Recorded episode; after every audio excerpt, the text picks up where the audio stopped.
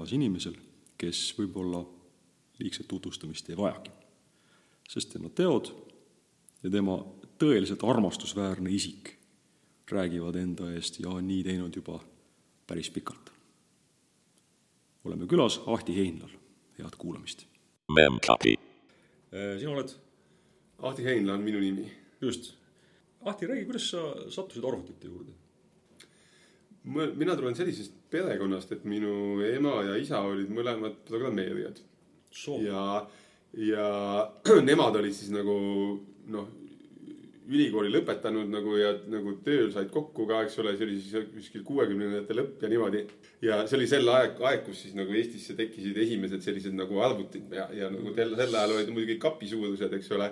aga, aga ikkagi. kuuekümnendate lõpus ei saanud neid programmeerijaid ju palju olla jah, kindlasti neid ei olnud palju, kuigi neid siiski ikkagi täiesti mingisugusel määral oli. minul muide, muide oli, oli hiljuti selline asi, et noh, et kui kui emal oli siin suur juubel seal nagu seitsmekümne ja niimoodi ja, ja, ja, ja, ja ta kutsus enda kursusekaaslased, kutsus siis, kutsus siis külla, eks ole, või restorani ja ja, ja noh, see kursuse kaaslased, noh, kes see siis on, need on rakendusmatemaatikud, eks ole, praegu siis no. nagu sellised üle seitsmekümne aastased nagu inimesed, eks ole, nii mehed kui naised, eks ole.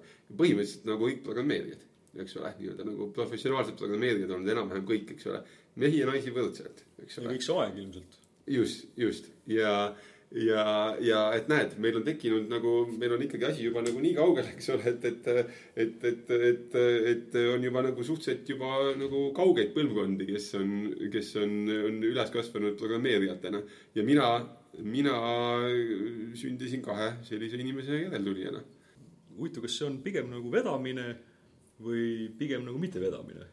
selles mõttes, et võis, võis ka ära, oleks võinud ka ära hirmutada ju mind see kindlasti ära ei hirmutanud, et ma, mina kasvasin üles perfolintide vahel ja, ja niimoodi, et, et vahetevahel siis noh, kuna arvutiaeg oli ju selline, mis oli niimoodi noh, piltlikult öeldes talongidega nagu jagati või et, et noh, et arvuti pidi ikka õhtuti ka nagu töös olema ja nii edasi, siis, siis mõnikord ema, isa käisid, käisid õhtuti tööl, oli vaja seal arvuti, kui nad said arvuti aja kella kaheksaks õhtul, no siis nad said arvuti aja kella kaheksaks õhtul ja siis nad võtsid vahepeal minu emu siis kaasa, eks ole, mina jooksin ka arvutikappide vahel ringi ja vaatasin, kuidas seal magnetlingid, lindid vaikselt käisid nii ja naa ja see oli kindlasti nagu hästi noh, põnev või selline hästi kuidagi hoopis teistsugune keskkond ja siuksed helid teistsugused ja vaatad, kuidas need masinad seal toimetavad, mingid magnetrumlid vaikselt visisevad ja siis sahisevad ja selline, selline kindlasti oli nagu huvitav.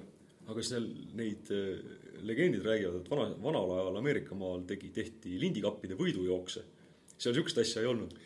Mina selliseid asju ei näinud, ma saan aru, et, et Eestis ka tehti sel, sel ajal sellist nagu pulli, aga võib-olla neid, seda tehti siis natukene, tegid natukene nooremad inimesed, kellel lapsi ei olnud või, või, või, või ma ei tea, minu rohkem isa ja ema olid ikka natuke siuksed ontlikumad nagu, nagu, et nad üritasid siukseid noh, konstruktiivseid asju siis arvutiga teha, eks ole, ja panna üht, ühel ja teisel moel nagu käima, aga nad ei olnud sellised kuidas öelda, häkkerid tänapäeva mõistes, et, et, et, et mismoodi, mismoodi arvutiga pead pesta näiteks, et selliseid asju nad tegelikult ei mõelnud aga sind ju esialgu ei lastud nagu perfolinte nagu perforeerima. esimene, esimene asi oli, mis mille sa käed külge said? ei, minul oli jah niimoodi, et no mu vanemad olid programmeerijad, aga ega ma ise ei olnud programmeerija, ma ise olin tavaline laps nagu ikka, et, et no, ma, ma vist olin nagu natuke siukse niimoodi matemaatiliselt natukene andekas, aga, aga, aga, aga äh, arvutitega otseselt minu tegelikult esimene kokkupuude oli ikkagi selles, kui ma olin lihtsalt kümneaastane ja lihtsalt järsku päevapealt ühel, ühel õhtul tuli ema tuli koju ja ja ütles, et kuule, et Ahti, et ma õpetan sulle midagi, et, et istume maha ja istusime maha ja ta õpetas mind programmeerima. kolm õhtut niimoodi õpetas okay.. ja kolm õhtut, õhtut õpetas ja ma sain selle kolme õhtuga tegelikult nagu sain sellest oast nagu, nagu aru, et mismoodi see asi, asi käib. ja, ja sealt alates siis, siis hakkasin juba edasi nagu ise nagu mõtlema, proovima, katsetama, lugema natukene, lolle küsimusi küsima mm. -hmm et, et sellest, et nagu kolm päeva ma olen sellist süstemaatilist programmeerimise õpetust saanud. aga mis ta siis rääkis, see pidi ikka kümneaastasele nagu huvitav olema, mis ta rääkis? no eks mind huvitasid sellised asjad kindlasti, et, ta, no sel ajal oli ju ka niimoodi, et noh, mis see oli, aasta oli kaheksakümmend kaks, kui mina olin kümneaastane, et sel ajal ei olnud niimoodi, et sul on nagu lapsel tohutult palju mingisuguseid äh, ahvatlusi ümberringi või et, et Facebookid, Instagramid hüppavad siia-sinna ja nagu ja, ja kõikvõimalikud muud asjad käivad. sel ajal oli ikkagi ju niimoodi, et ega meil kodus ju telefoni näiteks ei olnud, eks ole. aga arvuti oli? arvuteid meil ei olnud. Äh, see, mina kirjutasin programmi ikkagi alguses niimoodi, et kirjutasin paberi peale ja siis kolm läksin... päeva oli paberi peal? jaa, kolm päeva kirjutasin paberi peale programmi, täpselt niimoodi okay ja noh, selles mõttes, kui nagu ema tuli õhtul koju ja sellist asja ütles ja sellist asja tegi, noh siis me ikkagi mitu tundi istusime maas, eks ole, ei olnud niimoodi, et mul oleks kogu aeg telefon helisenud ja hüpanud mingisugune asi, et, et, et kuule, Ahti, tule nüüd sinna, teeme seda, eks ole, et, et. et, et selles mõttes võib-olla ikka, et seda ei olnudki nii väga vaja, et see oleks nagu hullult kuidagi põnev peaks kohe kümneaastasel lapsel olema, mul pigem oligi lõpuks nagu põnev see, kui ma sain aru, kuidas see siis töötab nagu aga see peab olema siis päris niisugune äge nagu ettekujutusvõime, et sa saad paberi peale kirjutades aru, kuidas miski asi töötab. sest ju paberi peal ju ei tööta midagi, sul lihtsalt paberi on, paberi peal on tekst. nojah, samas nagu eks programmeerimise üks selline nagu võtmeoskus ongi tegelikult ju see, et nagu ette kujutada, et mismoodi see masin nagu töötab, et lõppkokkuvõttes ju programmeerija ehitab ju masinat ja noh piltlikult öeldes ikka samasugust masinat nagu, nagu mingisugused hammasrattad kuskil nagu käiksid ikkagi nagu üks mingi nagu koodirida nii-öelda piltlikult öeldes on üks hammasratas ja teine koodirida on mingisugune kangikene kuskil seal, eks ole.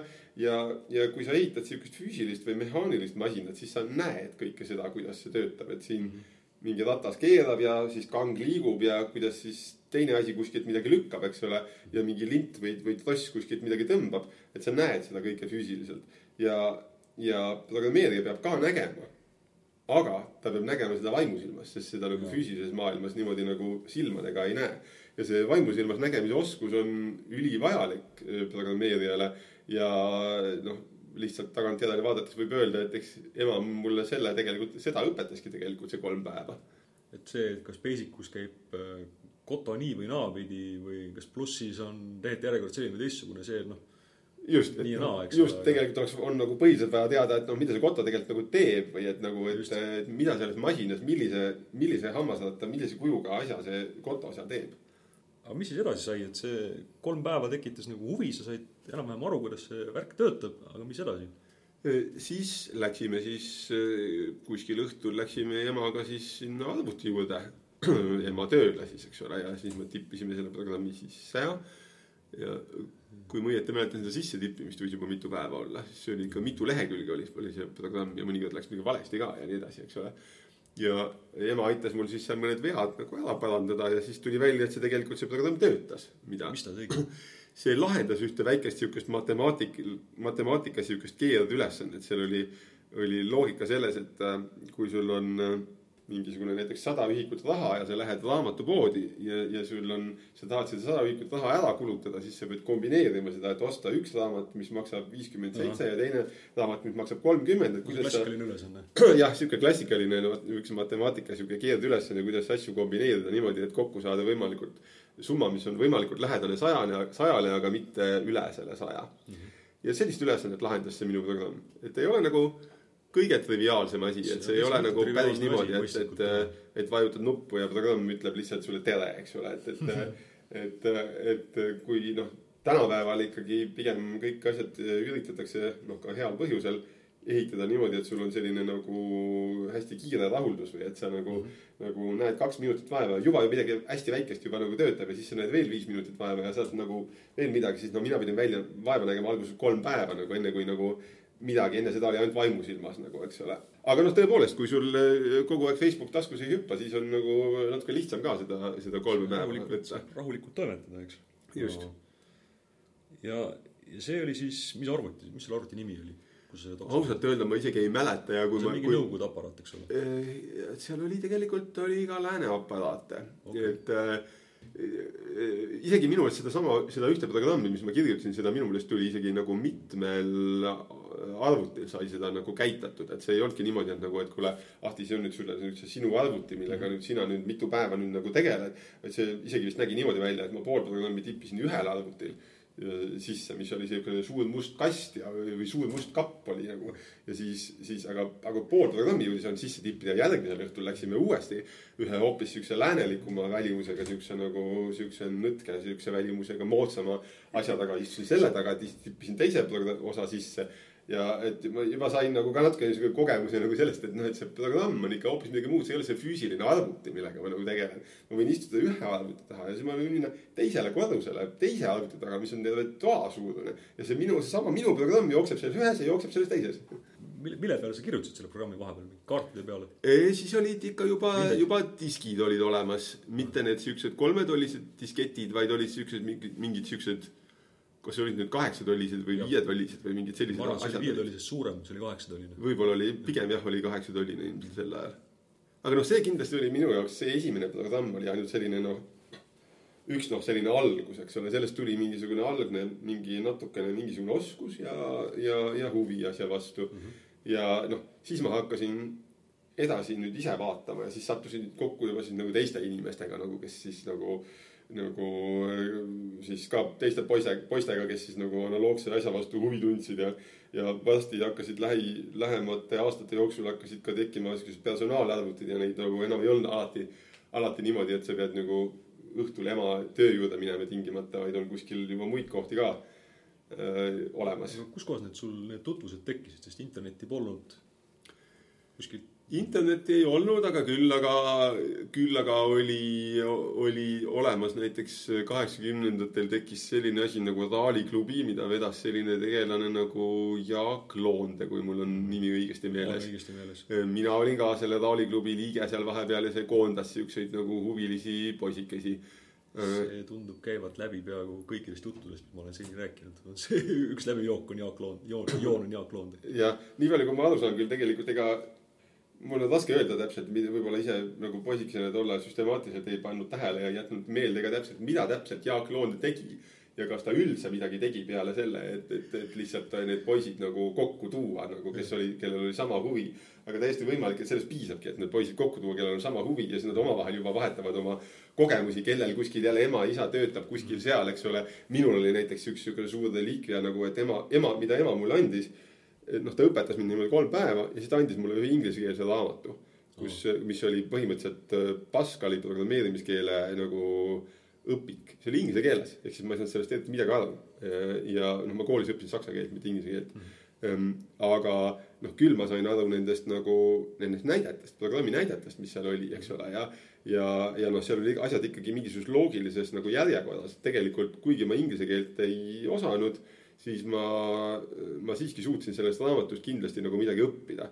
ja noh, sealt tuli ideid, mida katsetada, et seal oli kuskil mingi noh, piltlikult öeldes näiteks kuskil oli mingi Goto käsk oletame, et ma ei teadnud, mis see tähendas, eks ole vähemalt ma sain selle Goto käsu kuskil hiljem mingisse arvutisse sisse tippida ja vaadata, mis, mis ta teeb siis, eks ole, ja küsida kellelgi teiselt, et mis see Goto käsk tähendab. et see on noh, midagi muud kui lihtsalt öelda, et õpeta mulle programmeerimist, et sul on konkreetne küsimus juba. et äh, oligi niimoodi, et läbi lukuaugu nii-öelda nagu noh piltlikult öeldes jah, inimestel internetti ei olnud, aga noh, nagu inimestel ei olnud ka internetti siis, kui nad ehitasid lennukeid ja kui nad ehitasid autosid, nad said, täiesti said ehitatud, eks ole.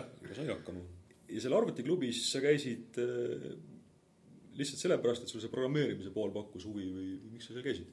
jah, mulle pakkus see programmeerimise pool huvi, mul, mul tegelikult oli niimoodi, et isegi enne programmeerimist mulle sattus kätte mingi selline lastele mõeldud elektroonikaraamat ja ma mm, -hmm. ma ma natukene niimoodi harjutasin või mõtlesin selle elektroonika peale ka, et kuidas mingid transistorid töötavad ja, ja, ja muu selline. see pakkus ka, ka mulle kindlasti huvi, aga eriti tagantjärele vaadates, siis ma ütleks, et noh, et minu elektroonika tegemine sel ajal oli sellisel nagu ülialgelisel tasemel või noh, nii-öelda ma, ma nagu ma, ma kuidagi nagu hästi õrnalt kuidagi natuke nagu kõditasin elektroonikat ja üritasin sellest midagi aru saada, aga samas programmeerimisega ma te tegelesin nagu tegelikult, eks ole, see on mm. -hmm. selles mõttes seal oli väga-väga suur vahe ja loomulikult oli ka väga suur vahe siis minu sellisel professionaalsuse tasemes, mis nagu tekkis kindlasti, kas sa oskad öelda, kas see oli pigem nagu niisugune eeskuju, mis sind pigem sinna nagu tarkvara poole kui riistvara poole suunas või seal on mingi, mingisugused muud asjad ka, et mis sulle just selle valiku nagu kuidagi laua peale panid või?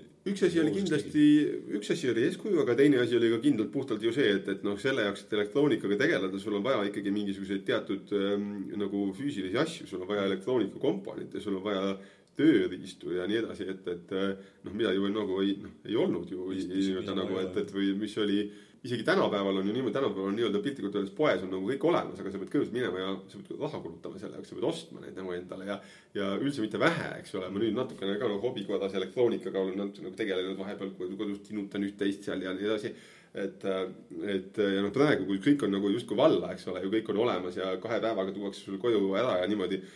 noh, raha ikka kulub selle jaoks, et nagu mingid nagu ük, No, ük, üks jootekolm ja teine mingi suurendusklaas, jälle takistite komplektid nagu väiksed mikroprotsessorid nagu igasugused kivid ja sensorid ja andurid ja displeid ja nii edasi, et noh, et et ähm, noh, see ei ole nagu, see ei ole selles mõttes nagu lihtne nagu alustada, et, et äh, programmeerimine on niimoodi, et noh, sul tegelikult ei ole vaja sul on vaja seda kohta, kus nagu nii-öelda arvutis käia, eks ole. paber ja pliiats on nagu kolm päeva täitsa piisav, eks ole. täpselt just, et okay. Nagu mul sõber ja töökaaslane Jaan Tallinn on nagu öelnud, et eh, programmeerimine on selline nagu naljakas asi, et sa noh, enamikes muudes, enamikes muudes valdkondades on niimoodi, et kui sa hakkad seda mingit asja õppima, siis sa saad mingisuguse algse mingisuguse taseme saad kätte ja siis sa pead rohkem õppida, õppima, et saada järgmisele tasemele, siis sa pead veel rohkem õppima ja sa ei saa iseseisvalt õppida, vaid sul on vaja kedagi, kes õpetab nii-öelda noh, et, et nagu, et noh, kui sa õpid klaverimängu näiteks, siis eh, noh, sul on vaja tegelikult seda, et keegi sulle pidevalt õpetaks seda klaverimängu, sa ei saa ise õppida klaverit mängima. septakordi ringharmoonia, sa ei mõtle välja. no täpselt jah, eks ole, et sul on mingisugused ka teatud käelised mingisugused asjad, et nagu mismoodi sa seda teed, eks ole, sa ei saa ise õppida seda. et sa noh, noh parimal juhul sa saad või mingist Youtube'i videost või, või mingist õpikust õppida, aga sul on vaja seda Youtube'i videot või õpikut, eks ole. programmeerimine aga on tegelikult selline asi, et kui sa oled selle algse oa kätte saanud ja sind siis su-, sulle, suletakse üksikule saarele nagu aastaks ajaks niimoodi, et sul on arvuti käes, siis sa tegelikult su- suudad ise ilma ühegi õppevahendita õppida ennast väga heale tasemele, kui tahad. puhtalt ise katsetamise, ise mõtlemise nagu teel. ja eks tegelikult täpselt seda, ma arvan, ma tegingi sel ajal, kui ma teismeline olin. Sel ajal hakkas juba arvuteid ka liikuma nagu personaalarvuti moodi arvuteid. jah, personaalarvuteid hakkas täiesti tulema ja meile koju tekkis ka üks, üks, üks Apple kaks. ja sellega siis mina hakkasin toimetama, aga see oli üsna juba kaheksakümnendate lõpus, kas eks ta kuskil seal mingisugune, ma ei oska täpselt aastanumbrit öelda, aga ju ta võib-olla võis juba kaheksakümmend kaheksa olla või, või, või, või, või, või midagi niimoodi, et ma juba ikkagi nagu täiesti oskasin sel ajal programmeerida, ma ei olnud nagu päris kümneaastane enam, ma olin juba viisteist või kuusteist või midagi, midagi, midagi niimoodi. Ja noh, noh, mis edasi muidugi nagu, mis on, nagu see, et, et, et inimestel, kes on seitseteist ja kaheksateist aasta, aasta vanused, enamikel, enamikel inimestel on nagu üsna kõvasti on nagu meri põlvini ja, ja, ja, ja peod ja seltsielu ja asjad, asjad käivad, aga minul on nagu paar asja, esiteks nagu ma olen üldiselt introvertne inimene ja mitte nagu niimoodi üliseltsiv, et see, see, see seltsielu mul kuidagi nii hästi kuidagi nagu välja ei tulnud. See on üks asi, teine lihtne tõsiasi oli see, et, et vist kuni viimast, viimaste aastateni nagu umbes kolmekümne viienda, neljakümnenda eluaastani oli mul küll elus selline asi, et kui ma joon kaks klaasi veini ära, siis hakkab mul pea valutama. ma, ma lihtsalt ei pea ühel nagu korralikul peol kaua vastu, lihtsalt ei pea, nagu ma lihtsalt lähen koju nagu keskööks hiljemalt nagu, et, et ja ja niimoodi on, niimoodi on kogu aeg olnud ja oli ka siis, kui ma olin kaheksateist, eks ole. aga noh, alles kella kaheteistkümnest ju nagu tegelik action hakkab pihta, nagu mulle räägitud, ma nagu väga palju ise kogenud ei, mina, ei mina ei tea, ma ei ole kunagi kogenud. no vot, et ja noh, siis ongi see, eks ole, et kui nagu, nagu, nagu, nagu ülejäänud inimesed avastavad sealt seltsielu ja, ja, ja pidusid, siis, siis osad teised avastavad siis arvuti asju igasugused ja siis avaldavad, avastavad seltsielu natukene hiljem lihtsalt. ongi ju tore, igasuguseid inimesi on olemas. aga mida sa programmeerisid, ma olen kuidagi, olen aru saanud, et noorele inimesele, noh, tal arvutihuvi on olemas, isegi võib-olla arvuti on olemas. aga leida mingisugust nagu jõukohast ülesannet, mida ta siis lahendada saab selle arvutiga, ei ole üldse mitte lihtne. mida sa programmeerisid tol ajal? no lihtsalt näiteks. noh, eks poisikesi ikkagi mängud huvitavad üsna hmm. palju ja kindlasti ma arvan, minul ja minu äh, kaasvõitlejatel kindlasti kõigil oli, oli üks esimesi unistusi, et kirjutada üks oma arvutimäng näiteks ja siis sel ajal olid juba, vahepeal olid need Yamaha arvutid juba tekkinud, eks ole, ja juba ka Apple kahe peal olid täitsa korralikke selliseid mänge olemas. aga noh, need sellised kommertsiaalsed mängud, need olid ikka ju sellisel tasemel nagu, mida üks mingi hobistist poisikene ikkagi nagu nädalaga valmis ei viska nagu. ja ega see tähelepanu ulatus nagu kolmeteistaastasel või viieteistaastasel noh, ei ole väga selline, et, et suudaks midagi väga palju pikemat ette võtta ja, ja noh, selliseid niisuguseid väga lihtsaid mängukesi sai kindlasti ehitatud ja, ja, ja kindlasti ka proovitud äh, üritada siis niimoodi häkkerlikult natukene läheneda sellele arvutile, et mida on võimalik arvutit tegema panna ja mis hääli on võimalik panna arvutit tegema ja ja, ja igasuguseid lollakaid visuaalseid kujundeid ette, ette manada ja, ja, ja, ja muu selline, see pool kindlasti ka nagu huvitas. aga hiljem, noh siis sai proovitud tegelikult teismeeas nagu igasuguseid asju sai proovitud, oligi täpselt, ega täpselt ei teadnud, mida võiks nagu teha, aga see valdkond kindlasti huvitas. aga järjekindlamalt hakkasime mänge programmeerima Jaan Tallinna ja Priit Kasesaluga eh, siis, kui me olime keskkoolis okay.. ja siis, siis oli juba niimoodi, et tähelepanu ulatus on juba nagu natukene inimesel juba kasvanud, eks ole. ja, ja võtsime ette ühe mängu kirjutamise projekti, mida, mis sai nagu natukene pikema vinnaga, et paneme nüüd kõik nagu oma, oma seni õpitud väiksed kogemusekesed või, või mänguhakatisekesed paneme nagu see, need oskused kokku ja kohe mitu inimest paneme kokku, mitte niimoodi, et igaüks oma nurgas pusib mingit oma mängu, mingi vahtimängukene kuskil seal, eks ole. vaid teeme ikka nagu sellise tiimitöö nagu, eks ole, et jagame ülesanded omavahel ära ja nagu kuude viisi töötame selle kallal, eks ole kust. niisugune mõte üldse tuli või arvamus, et niisugune asi üldse võimalik võiks olla? Kuskilt iseenesest tuli, ma, ma ei oska täpselt mõelda nagu isegi, meil ei olnud isegi mingit arutelu sellel, sellel. Lihtsalt sündis. lihtsalt sündis jah, nagu et, et, et, et proovime midagi, midagi sellist. ja mis keskkool see oli siis? mina õppisin Gustav Adolfi gümnaasiumis ja Jaan Tallinn oli minu pinginaaber. ja Priit Kasesalu oli Jaan Tallinna pinginaaber eelmisest koolist, kus Jaan käis. Nii et me olime mõlemad nagu Jaani pinginaabrid olnud. ja siis viimase keskkooli aasta jooksul niimoodi kolmekesi kirjutasimegi ühe mängu, millele sai nimeks Kosmonaut ja mida, mida siis noh, mina küll kogu selle aja kirjutasin seda kui nagu hobiprojekti, aga Jaanil oli kogu aeg, Jaan ikka ütles, et see asi tuleb teha nagu äriks või see asi tuleks nagu maha müüa ja selle eest nagu raha saada. see oli, no see oli nõukogude aeg ju veel, sellest võiks kinni minna ju. peaaegu, see oli nõukogude aja lõpp küll, sel ajal, kus juba igasuguseid metalliärikad juba, juba käisid ringi ja, ja, ja, ja siukene nagu väikene üle piiri siuke nagu kaubandus käis ja kooperatiivid ja asjad ja selline värk juba täitsa toimis. me muidugi ei teadnud tuhkagi sellest, kuidas see selline nagu, kuidas see selline nagu ettevõtluse või selline maailm üldse käib ja noh, ma arvan, et ega tegelikult ei teadnud seda ka need eh, suured inimesed, kes, kes sel ajal nagu ettevõtluses nagu väga olid aga mingi tegevus toimus ja siis äh, osade siis täiskasvanute äh, näiteks metalliäri alal äh, mõningas, mõningase kogemusega või sidemetega inimeste abil õnnestus meil tõesti see, see kosmonaudi mäng müüa äh, Rootsi. noh, see oli selles mõttes muidugi pöördeline sündmus, et, et, et me saime selle eest lõppkokkuvõttes ikkagi, kui ma õigesti mäletan, siis oli see viis tuhat dollarit. ja see noh on, ju kosmiline see oli number. täiesti kosmiline number, see oli, see oli aasta oli mingi üheksakümmend ja, ja need, see rubla kurss oli seal selline, et vist, kui ma õieti mäletan, ühe dollari eest sai kolmkümmend rubla juba ja, ja, ja siis kui arvutad kokku, siis noh, see viis tuhat dollarit oli ikkagi umbes selline summa, mis meie vanemad olid elu jooksul teeninud või noh, midagi umbes sellist.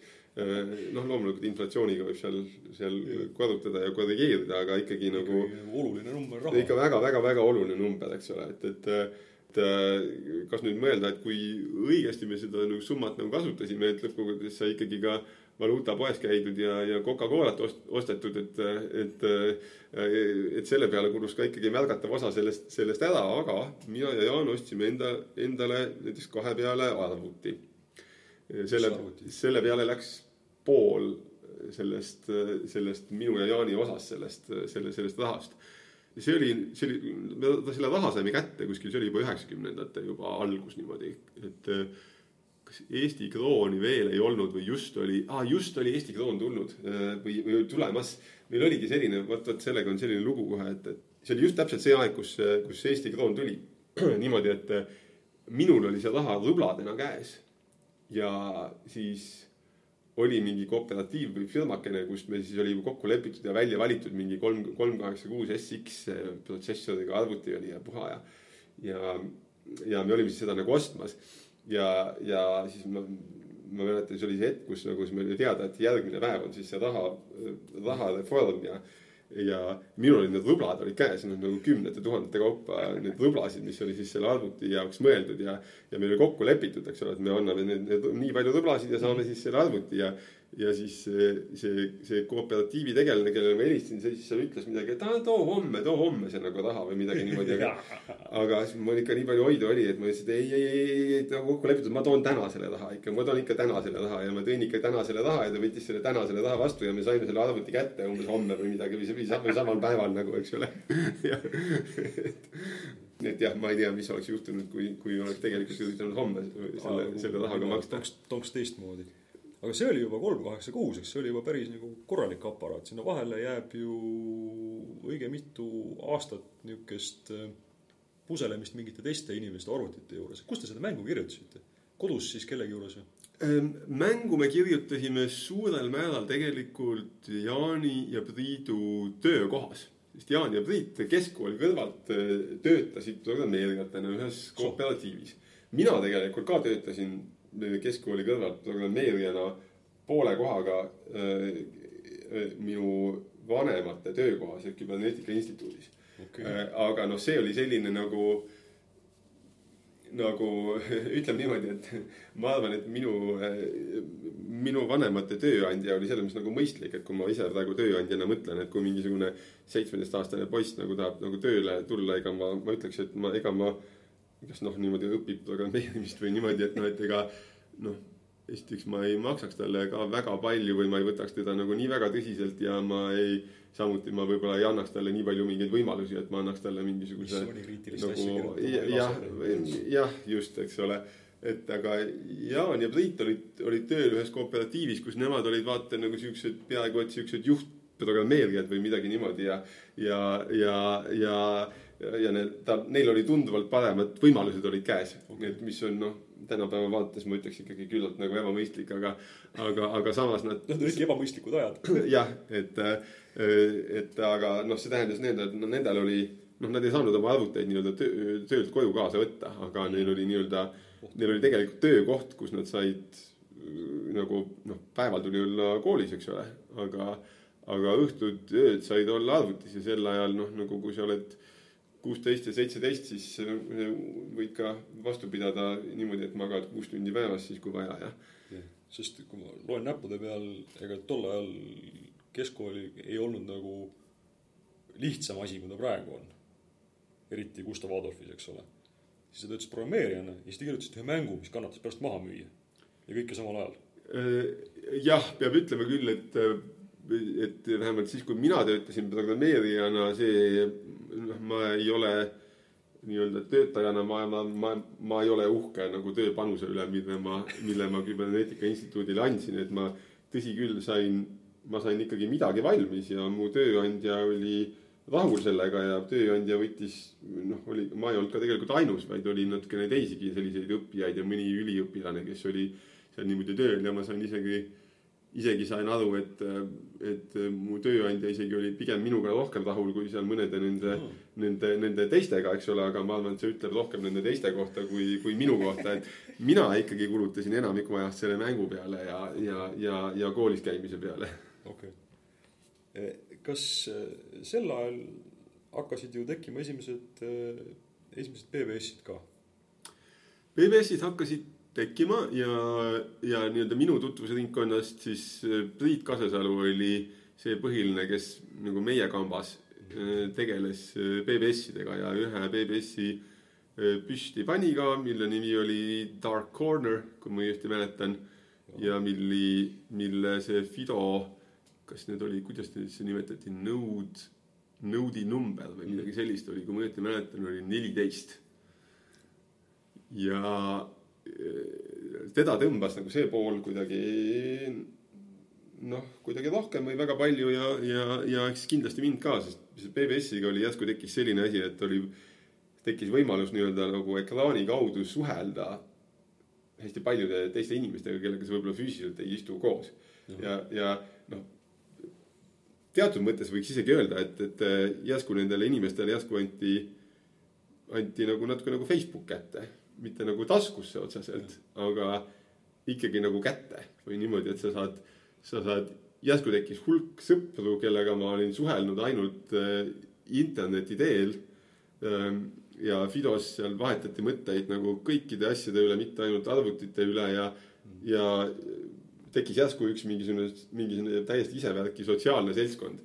ja tolle aja, aja kohta oli see väga isevärki sotsiaalne seltskond, tänapäeval noh, tegelikult nagu nii väga nagu ei ole, et, et tänapäeval on niimoodi, et sotsiaalne seltskond, kes on mingi Facebookis mingisuguse grupi, olgu mingi MMS-i klubi või ma ei tea, mis nagu, mis nagu asja liige, eks ole, ja siis nad võivad aeg-ajalt kokku saada ja nii edasi, nii edasi, see on tegelikult nagu internetiajastul on nagu väga-väga tavaline. aga selline, selline, kuidas öelda, elustiil või, või, või tutvusringkonna ülesehitus järsku tekkis nagu meile kätte, kui me, kui siis aasta oli umbes tuhat üheksasada üheksakümmend või umbes kuskil, kuskil seal, seal, sealkandis. jah, see seltskond pidi siis olema ka teatavas mõttes nagu homogeenne, sest ega sinna külge saamise nagu barjäär oli päris kõrge. Sul pidi olema juurdepääs arvutile, telefoniliinile ja sa pidid aru saama, kuidas arvuti sundida selle telefoniliini pidi teine, teise arvuti külge, eks ole. jah, eks muidugi oli palju ka inimesi, kes, kes nii-öelda, kuidas öelda, jõlkusid kaasas, et olid sellised entusiastid nagu näiteks Priit Kaasasalu või Tarmo Maamäes näiteks.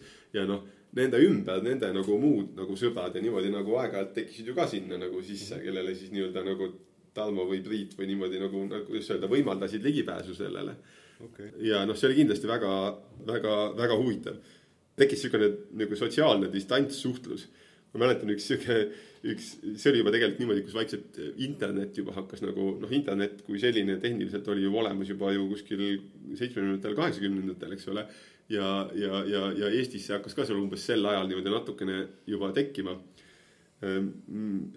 mul on selline sõber, siiamaani väga hea sõber nimega Sulo Kallas, kes oli, Kaljul oli ka PBS, eks ole, ja kes töötab minuga koos Starship Technologies'is praegu ja tema, tema andis mulle siis kasutada ühte, ühte sellist äh, äh, oma kontot kuskil ühes siis Unixi arvutis. ja Unixis oli olemas näiteks niisugune programm nagu Talk, kus sai siis omavahel ekraani kaudu suhelda inimesed, kes olid sisse loginud siis oota, oota, kas see on samasse arvutisse vist jah, just. ja ma mäletan, minu, minu jaoks oli üks ikkagi täiesti sihuke nagu väga silmjääv elamus oli, kus sel ajal, kus nagu noh, mul, mul, mul ei olnud kodus telefonigi nagu, eks ole, et noh, et ja, ja siis ma olin seal, ma midagi toimetasin selles Sulo kontoga Sulo nime alt, eks ole, siis nagu selles ühes arvutis. ja järsku selle talk'iga nagu siis hakkab minuga rääkima nagu keegi, ütleb, et, et, et tere, et, et minu nimi on Epp. nii, ja mina siis esimese asjana nagu ma teadsin, ma kasutan Sulo kontot, eks ole, noh, keegi tahab, keegi Epp tahab Suloga rääkida nagu, eks ole, ja siis ma noh, selgi-, selgitasin talle, et kuule, kuule, et, et, et, et sa saad, et mina ei ole Sulo, et mina olen hoopis üks nagu teine inimene. noh, tema ütleb vastu, mul ega sellest pole midagi nagu, et, et räägime ikka, noh, ma ei saanud nagu täpselt aru, mis värk on nagu, mis mõttes ta ju tahab Suloga rääkida, eks ole, nagu et noh, et. et aga siis ma sain aru, et noh, ta lihtsalt, ta tahab tegelikult lihtsalt kellegagi rääkida, et noh, et tal, tal tegelikult on täitsa okei okay,, et ta räägib nagu minuga. ja siis ja siis sihuke nagu jutuajamine nagu, nagu tekkis sealt, siis ma sain teada selle jutuajamise käigus. tegemist on ühe Eesti tüdrukuga, kelle nimi on Epp ja kes hetkel füüsiliselt asub Ameerikas. soo, ja ta läks Ameerikasse õppima, seal ülikooli. ja ta oli Ameerikas üliõpilane. ja mina istun Eestis, eks ole, ja ma reaalajas räägin arvuti ekraani vahendusel nagu temaga juttu, eks ole me rääkisime maast ja ilmast, ma mingi tund aega, eks ole, nagu, et noh, ma ei. noh, nagu see oli ikka täiesti, täiesti nagu väga-väga-väga kummaline kogemus, eks ole, et, et sa nagu suhtled kellegagi reaalajas, kes on nagu sinust väga-väga-väga kaugel. et, et no ma siiamaani ei tea, kes see Epp nagu täpselt oli, no ma, ma, ta ütles oma perekonnanime ka, ma ei ole seda nime mitte kunagi hiljem kuulnud, mitte kunagi hiljem selle inimesega suhelnud, eks ole, nagu aga, aga noh, nagu, et see oli ikka väga-väga-väga nagu kummaline kogemus minu jaoks ja ja ongi nagu noh, naljakas tegelikult noh, tänapäeval ju selline asi on ju niivõrd noh, tavaline, meil kõigil mingid Snapchatid ja asjad on kuskil taskus, eks ole. ja, ja, ja tol ajal oli selline noh, ongi just sotsiaalses mõttes see, et sa võid suhelda inimestega kuskil üle, üle maailma. see oli nendele internetihäkkeritele oli, oli võimalik ja teistele inimestele ei olnud. sa rääkisid, et PBS-is räägiti igasugustel teemadel, noh näiteks millest räägiti?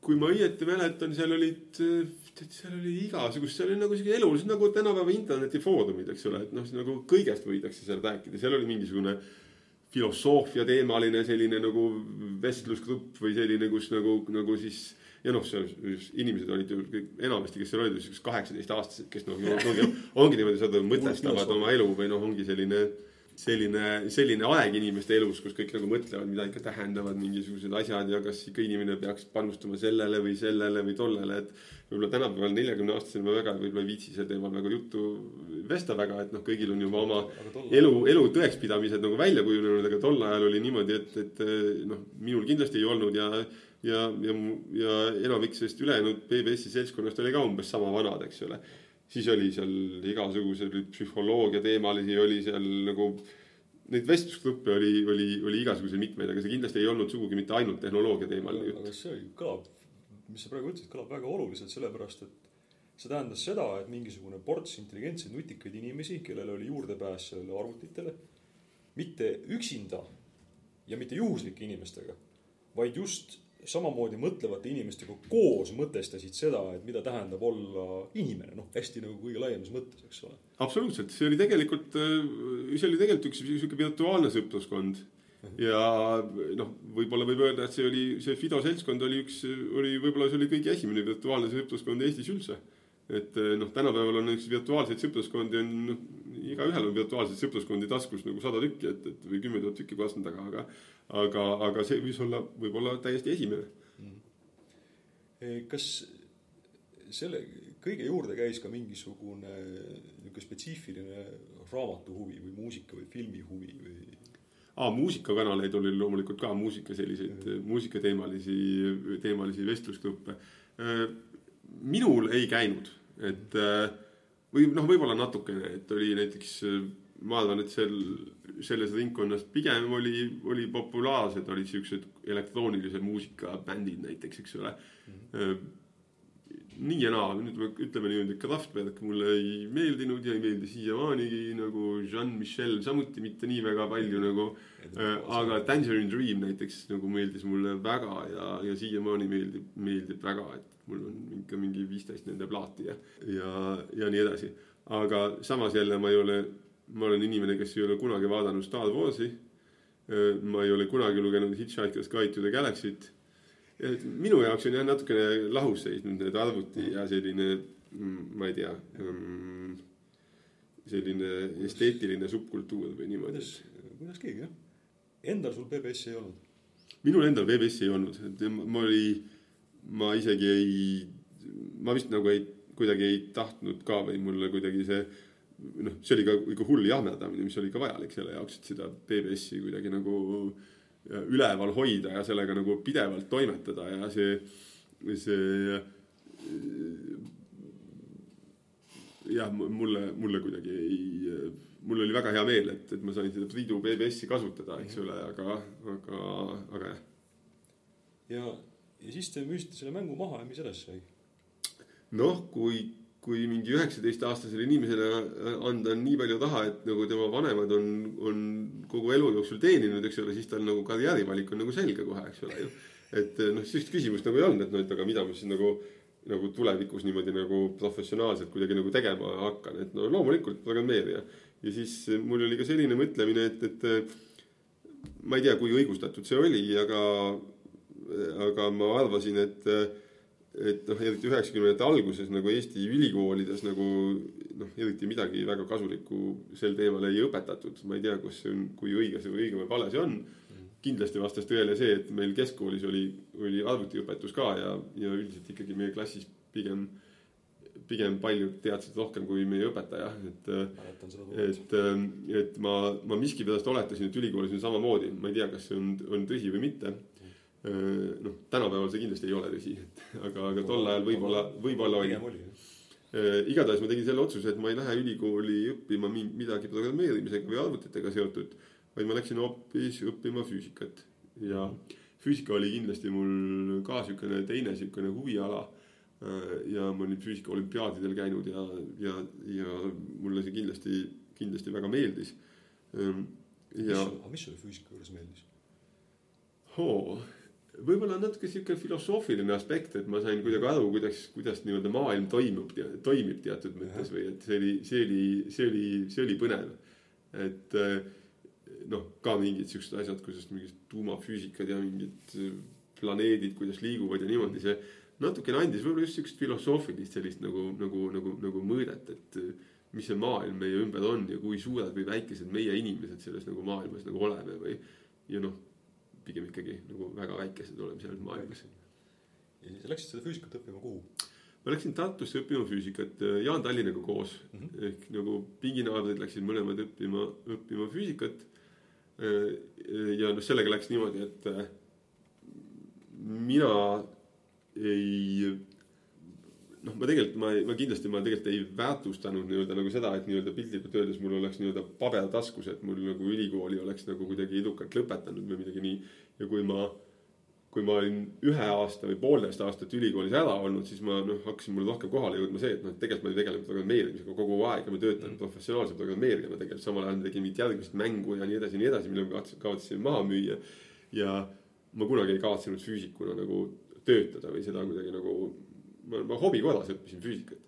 ja noh, kui esimese aasta sai hobi korras füüsikat õppe, õppida, siis nagu teisel aastal tegelikult hakati juba ka nagu aru saama, et tegelikult need õppejõud ikkagi eeldavad, et noh, et sa nagu tõsiselt tegeled selle asjaga ja panustad nii-öelda enamiku oma ajast selle füüsika õppimisse. see läheb juba mitte triviaalseks ühel hetkel, see füüsika. jah, ja, ja, ja siis ma tulin ülikoolist ära, et ma ma, et ma sain aru, et noh, see asi lihtsalt nõuab rohkem tööd, kui ma olen nõus sinna sisse panema ja siiamaani ülikooli ma lõpetanud ei ole.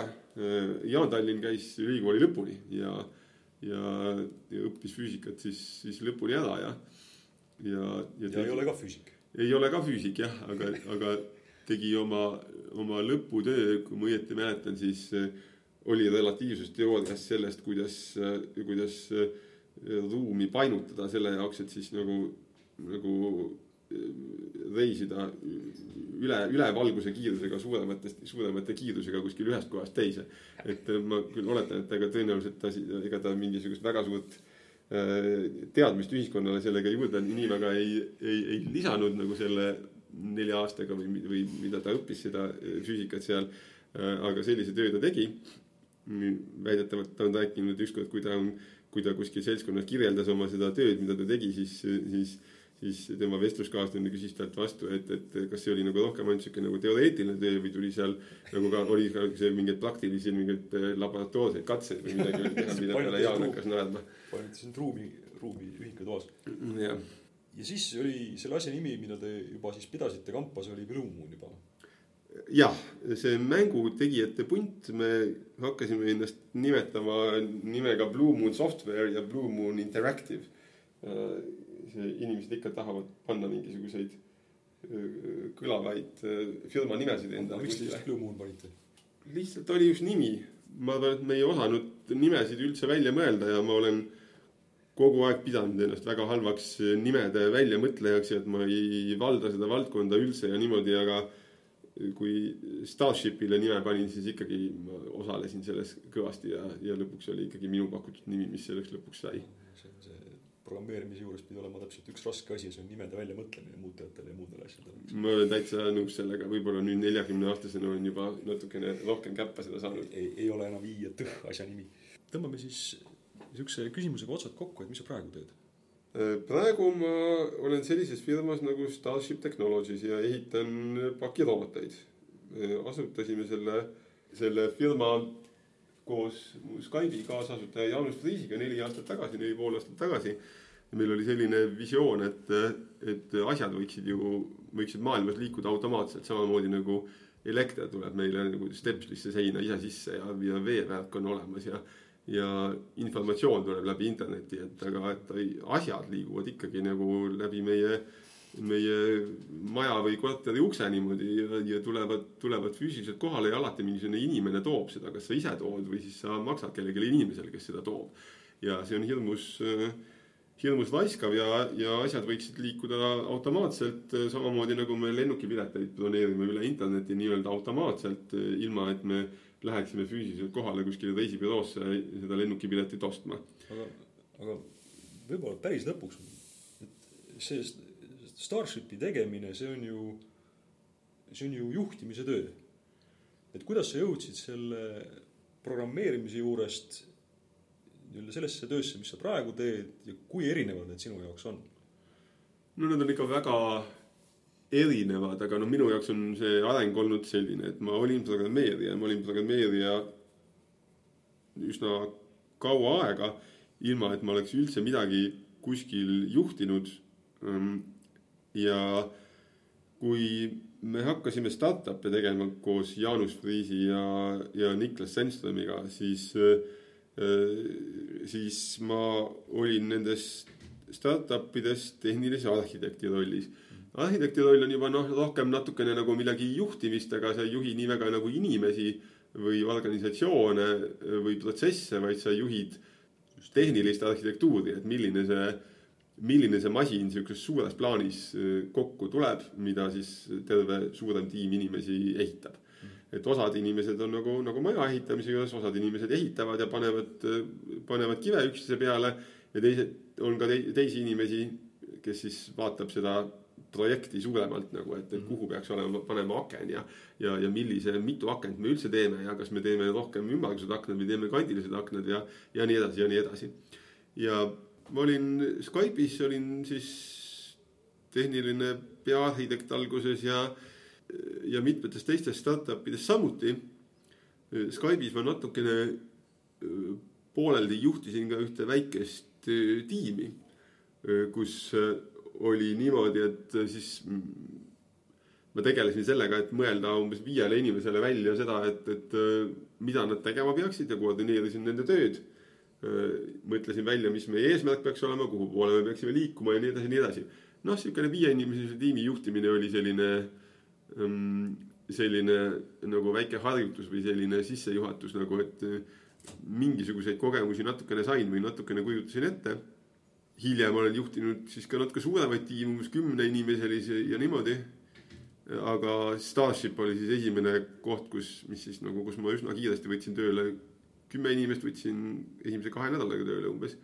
ja esimese poole aastaga oli juba umbes kakskümmend inimest meil tööl ja nii edasi ja nii edasi ja nii edasi, siis läks juba natukene suuremaks see asi. ja eks ma niimoodi käigu pealt natukene siis nagu õppisin, et, et, et, et, et kuidas see nagu juhtimine käib ja ma olen kindlasti veel üsna, üsna alguses seal, et me oleme Starshipis olnud siukses nagu naljakas olukorras, kus nagu, nagu juhtimises ikkagi üsna kogenematu juht on olnud sellel firmal, et neli aastat ma olin tegevjuht äh, Starshipis. Äh, ja nüüd on siis, nüüd jõudis pool aastat tagasi siis asi nii kaugele, et me Starshipis palkasime äh, nagu professionaalse tegevjuhi Lex Bayeri Californiast. Ähm, ja mina olen CTO ehk tehnikadirektor kus ka peab üsna palju juhtima, eks ole, aga nüüd enam mitte kahtesadat inimest, vaid, vaid natukene väiksemat hulka inimesi see on siis olnud üsna pikk ja, ja huvitav ja just siukse õppimise ja huvi peal nagu areng. jah, absoluutselt, et üldiselt mul, ma ütleks niimoodi, et, et paljud programmeerijad, kaasa arvatud ka mina nagu noh, programmeerimine meeldib nii palju või see on nii no, tore tegevus, see on niivõrd äge tegevus, et siukseid masinaid ehitada niimoodi, et tahaks, tahaks nagu muudkui ehitada neid masinaid, et see inimeste juhtimine on pigem selline asi, mida enamik programmeerijaid väga ei taha teha ja ma ei ole päris kindel ka ise, kui palju mina seda tegelikult teha tahan. aga küll on lihtsalt asi selles, et kui sa oled nagu üksik programmeerija ja sul kogemus tekib ja sa juba nagu oled arhitekt ja sa oskad juba rohkem juba arvata, mismoodi seda, seda tarkvara me peaksime ehitama ja mis asjad on selle juures olulised, mis asjad ei ole selle asja juures olulised, siis on nagu, on nagu kaks võimalust, kas sa nagu oled vait ja, ja, ja kellegi teise juhtimisel osaled selles protsessis või siis sa, sa üha rohkem nagu vaatad seda, et ei, ei, ei, ei, ma teen ise seda, ma teeks seda paremini kui see juht, kes meil on või ma tahaks seda ise seda asja juhtida või ma. või ma, mul on juba nii hea ettekujutus, kuidas seda teha, eks ole, et, et ma ei suuda pealt vaatada, vaadata, kui mingisugune teine inimene, kes on võib-olla väiksema kogemusega kui mina nagu kuidagi seda asja juhib ja, ja mitte selles suunas, kus mina olen täiesti veendunud, et kus nagu õige oleks. ehk siis see on tulnud justkui nagu vajadusest, et sa oled üksik programmeerija, siis sa nagu nagu noh, aja jooksul ikkagi saad aru, et sa saad tegelikult lõppkokkuvõttes rohkem tehtud, kui sa piltlikult öeldes palkad endale tiimi ja hakkad juhtima mingisuguseid suuremaid, suuremaid seltskondi. minu jaoks küll niimoodi nagu raketiga lendamine nagu Starshipis nagu sellest, et ma olin varem juhtinud kümne inimesega tiimi kuni selleni, et ma juhtisin üle kahesaja inimesega firmat tükk aega. see noh, ikkagi võttis pea ringi käima selles mõttes, et ma kindlasti, kindlasti ma, kuidas öelda, edutasin ennast nagu oma ebakompetentsuse tasemele, aga eks kohati öeldaksegi, et startup'id ongi asjad, mis on väga sageli on noh, klassikalise sellise juhtimise distsipliini ja teooria ja juhtimispraktikate mõttes on väga halvasti juhitud organisatsioonid, et need on, on. mis ei ole, mis ei ole, mis ei ole tihti takistuseks olnud nende jah, täpselt, mis ei ole tegelikult takistuseks olnud eh, sellepärast, et nad on olnud nii piisavalt värske mõtlemisega, nende toode on olnud piisavalt eh, selline värske ja revolutsiooniline. et eh, sellest ei ole olnud hullu, et nad on olnud halvasti juhitud. et ma, ma ikka noh, tegelikult ikkagi nagu need kakssada inimest, kes meil Starshipis töötab, et ma ikkagi vaatan nende peale küll nagu niimoodi, et, et, et noh, et palun vabandust nende eest, et nad on osalenud sellises loomkatses, et mina olen neid juhtinud nagu mitu aastat, et et see ei ole võib-olla olnud aus nende suhtes, eks ole, aga samas nagu nad ei ole ka sugugi mitte meil siin firmast minema jooksnud ja tunduvad olevat rahul, et võib-olla väga hullusti siis ei olegi läinud lõpuks. ma pigem kaldun ka arvama, et võib-olla väga hullusti võib-olla see jutumärkides eh, ei ole läinud. vaata, Ahti, sa rääkisid eh, sellest, kuidas me oleme selle universumi kõrval niisugused väiksed. Samamoodi oleme me väiksed selle tänumeele suhtes, mida ma sulle, sinu eest tunnen, et sa võtsid selle aja, juttu rääkisid. aitäh sulle! no aitäh kõigi, kõigile kuulajatele ja aitäh sulle, et sa seda teed!